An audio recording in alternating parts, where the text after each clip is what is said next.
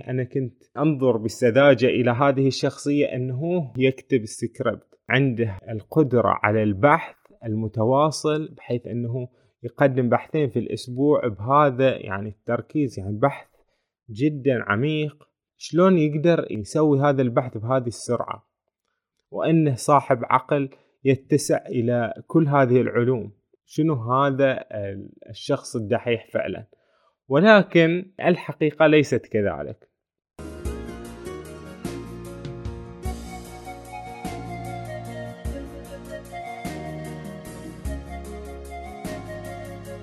السلام عليكم. أهلا وسهلا بكم في بودكاست ابحاث نتحدث اليوم عن الدحيح كشخصية وكبرنامج. عبر مطالعة كتاب الدحيح ما وراء الكواليس اللي كتبه طاهر المعتز بالله وهو صديق أحمد الغندور صاحب برنامج الدحيح. وأنا استمعت للكتاب بصوت الدحيح نفسه أحمد الغندور. فهذا الكتاب له مصداقية كبيرة. تعرفنا من هو أحمد الغندور وما هو يعني برنامج الدحيح آه، شنو الكواليس وراءه. طبعا في البداية يجب أن ننوه أن هذا البرنامج من البرامج القليلة في الساحة العربية إلا يقدم مادة مفيدة في صخب القنوات الكثيرة اللي تقدم. ما أبي أقول إنه يعني تقدم مواضيع تافهة بس يعني تقدم أمور ترفيهية. ضحك مثلا كوميديا شيء محتوى للأطفال محتوى مكياج محتوى جيمر ما أدري المهم يعني ترفيه الواحد يرفه عن نفسه ولكن لا شك أن الإنسان يحتاج أنه يسوي شيء مفيد في حياته. فهذا برنامج الدحيح هو أحد هذه البرامج اللي يحاول يبسط العلوم من شيء علمي بحت صعب الفهم يحاول أن يبسطه بطريقة كوميدية بحيث أن أبسط شخص يقدر يفهم كثير من المواضيع الموجودة فيه. وهذا يخلي المجتمع المفروض ينهض لأننا نعرف أن الاعتماد على العلم هو ما يبني الحضارات. إذا أردنا أن نتقدم فتمسكنا بالعلم بالعلوم الحديثة نعرف. طبعا هي كلها كليشيهات وأتوقع أن آه، ما حدا حين يتابعني. اوريدي اثنين بس يتابعون الحين يمكن مشوا. المهم بدش في صلب الموضوع. ولد أحمد الغندور في أسرة مصرية تقيم في السعودية. يدرس طوال طفولته في السعودية يعيش هذا الانعزال عن الآخرين ويعشق الكتب وتكون المكتبات هي أفضل الأماكن بالنسبة له. لما كبر أرسلته أسرته إلى الجامعة الأمريكية بالقاهرة وبدأ يدرس في هذه الجامعة اللي هي من أفضل الجامعات في مصر. لما تروح تبحث في عدد طلاب الجامعة الأمريكية بالقاهرة تجدهم ستة آلاف. تخيل ستة آلاف طالب ضمن مئة مليون مصري. فهذا الأمر يدعو للأسف. شلون تكون هناك جامعة المفروض تكون راقية وفيها تعليم ممتاز أفضل التعليم لا يستفيد منها سوى ستة آلاف شخص في محيط من طلاب آخرين يحتاجون الفرصة لأن يدرسوا. قد تكون لديهم عقول وقابليات كثيرة لكنهم لا يجدون الفرصة للدخول في مثل هذه الجامعة. لذلك أتمنى أن يخصصوا حلقة من حلقات الدحيح يتحدثون فيها ليش شريحة بسيطة من المجتمع تحصل على كل الفرص وكل المال وكل الشهرة والأضواء. من تنولد في هذه الدنيا لما تموت وهناك ناس آخرين يسحقون في أحيائهم وأريافهم البائسة. ولكن هذا يرجعنا لنمدح برنامج الدحيح بحيث أن هذه العلوم اللي قاعدين يقدمونها للمجتمع يقدمونها مجانية فيمكن للناس يعني للشخص البسيط أنه إذا تعلم مثل هذه الأمور أن تكون له فرصة إن شاء الله في المستقبل حق تنهض مجتمعاتنا إلى الأفضل مما أصابها من فقر ومن جهل.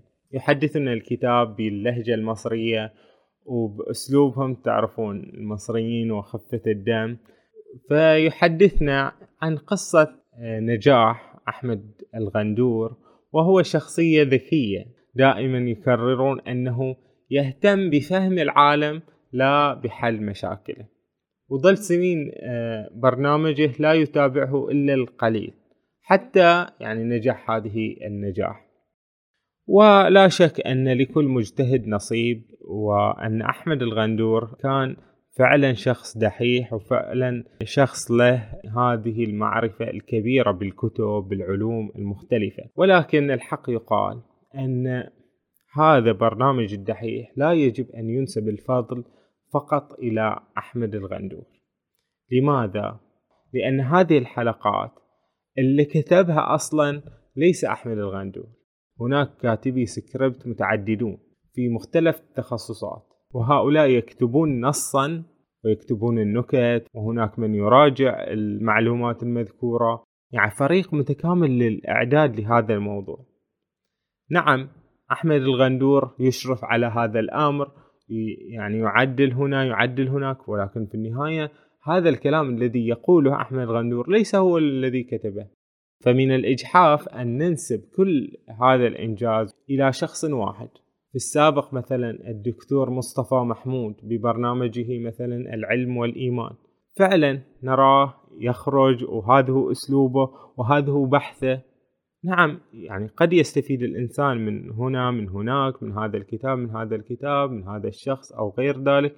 ولكن في النهاية هذا بحثه الخاص. ولكن في برنامج الدحيح صحيح أنه في النهاية بتشوف شريط بيظهر أن هذا الشخص كتب هذا الشخص صور هذا الشخص منتج وهكذا ولكن هل هذا الأمر كافي في تقدير هذا الفريق؟ في نظري أن الكاتب ولأن أنا متحيز للكتاب أحس أن لابد أن يذكر اسم الكاتب منذ البداية أن كاتب هذه الحلقة هو فلان بن فلان بحيث أنه يأخذ يعني نصيبه من التقدير. ولكن هذه هي الحياة. دائما الأعمال الجماعية هناك من هم تحت الظلال لا أحد يعرف عنهم شيء رغم أنهم هم من سببوا نجاح هذا العمل. وهناك من لهم كل المجد والتعظيم. ومع ذلك لا يجب أن ننقص من دور أحمد الغندور حيث أن أيضا الإلقاء وطريقة الإلقاء وهذه الشخصية سببت محبة الناس أولا وأخيرا. على أي حال ننتقل إلى موضوع آخر. برنامج الدحيح يعني أحدث صخبا وهناك حملات شنت ضده بحيث أن قالت أنه يروج للإلحاد وإلى ما هنالك. ما علينا نحن من شخصية أحمد الغندور وشخصية آه، من يعملون في كتابة السيناريو. أمر أن هذا الشخص بيروح الجنة أو ما بيروح الجنة هذا أمر يعني مو هو المهم. المهم هو المحتوى الذي يقدمونه. وهذا المحتوى الذي يقدمونه هو محتوى العلم. نحن نعرف أن التجول في دهاليز العلوم الغربية الحديثة ليس بالتجول اليسير. حيث أن العلماء الغربيون بعضهم ملحدون بعضهم لا أدريون بعضهم آه، مؤمنون. فلا شك أن العلم الذي وصلوا له فيه أمور فيه قيل وقال وهناك من يؤول الموضوع إلى موضوع الإلحاد وهناك من يؤوله إلى موضوع الإيمان. ولكن في النهاية هذا العلم هو طريقة نستطيع بها فهم العالم وهي طريقة أثبتت نجاعتها يعني أي عاقل يستطيع أن يرى ماذا حقق العلم من من أمور أفادت البشرية. الهاتف الذي بين أيدينا الكمبيوتر المكيف السيارة كل هذه التقنيات التي وصلنا لها بفضل ماذا؟ بفضل العلم التجريبي. أننا جربنا هذه الأمور لسنا نحن الذين جربنا الغربيون. جربوا كثيرا من الأمور وتطور عندهم العلم. حتى يعني حققوا هذه النجاحات. إذا كنا مهتمين بنهضة أمتنا العربية والإسلامية فيجب علينا أن نتمسك بالعلم. نحن نؤمن بأن العالم الذي نراه الآن هو من خلق الله عز وجل. وأن الله عز وجل كما أنزل القرآن على عبده محمد صلى الله عليه وآله وسلم كذلك يعني ترك لنا هذا العالم لكي نتأمله ونتفكر فيه ونرى كيف خلق الله السماوات والأرض فإن البحث في هذا الكون والتعلم من آثاره عن طريق التجربة لا شك أنه لا يتعارض مع الدين بل بالعكس مفترض أن يكون هذا الأمر عبادة. فهناك الكثير من الآيات التي تدعونا للتفكر في هذا الكون من مثل قوله تعالى قل سيروا في الأرض فانظروا كيف بدأ الخلق. فهناك طريقين لمعرفة هذا العالم. الطريق الإيماني الذي نؤمن به وهو يخبرنا بأن ما جاء في القرآن الكريم وما جاء في صحيح السنة أنه جاء نهائيا عن حقيقة هذا الكون. وهو الفهم النهائي والماورائي والإيماني لهذا الكون. أما العلم فهو فهمنا التجريبي والآني والمحدود أيضا لهذا الكون.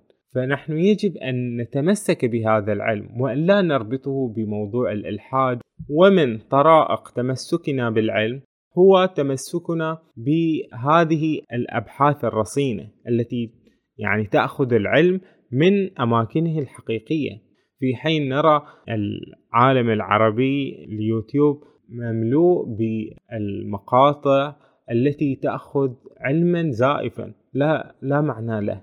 لا من مجلة علمية ولا من باحث ولا من كتاب. وترى الناس يخبرونك عن مثلث برمودا وعن الأرض المسطحة وهناك الكثير من العلوم الزائفة. وهي لن تقدم البشرية بل ستجعلنا متخلفين ونتخلف أكثر وأكثر. فالعلم يتغير يصيب ويخطئ ويصحح أخطاءه. لديه حقائق ونظريات وفرضيات وهو وسيلة محايدة. بالذات في الفيزياء والكيمياء والأحياء والفلك والطب. العلم يعمل عليه المسيحيون والمسلمون والهندوس والملحدون كلهم سواء في هذا العلم.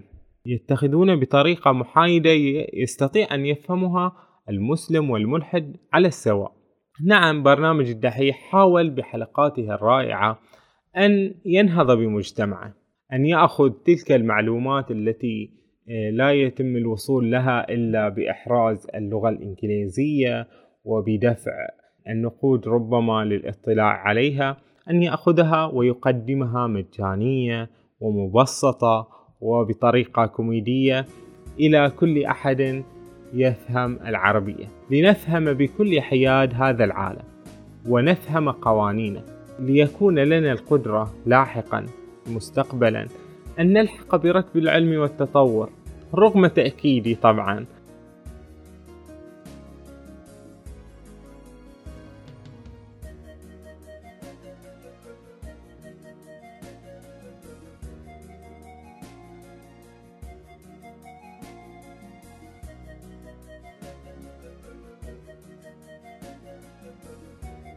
فهذه كانت مراجعتي لهذا الكتاب وإن شاء الله تكون عجبتكم وكونوا بألف خير وصحة وعافية.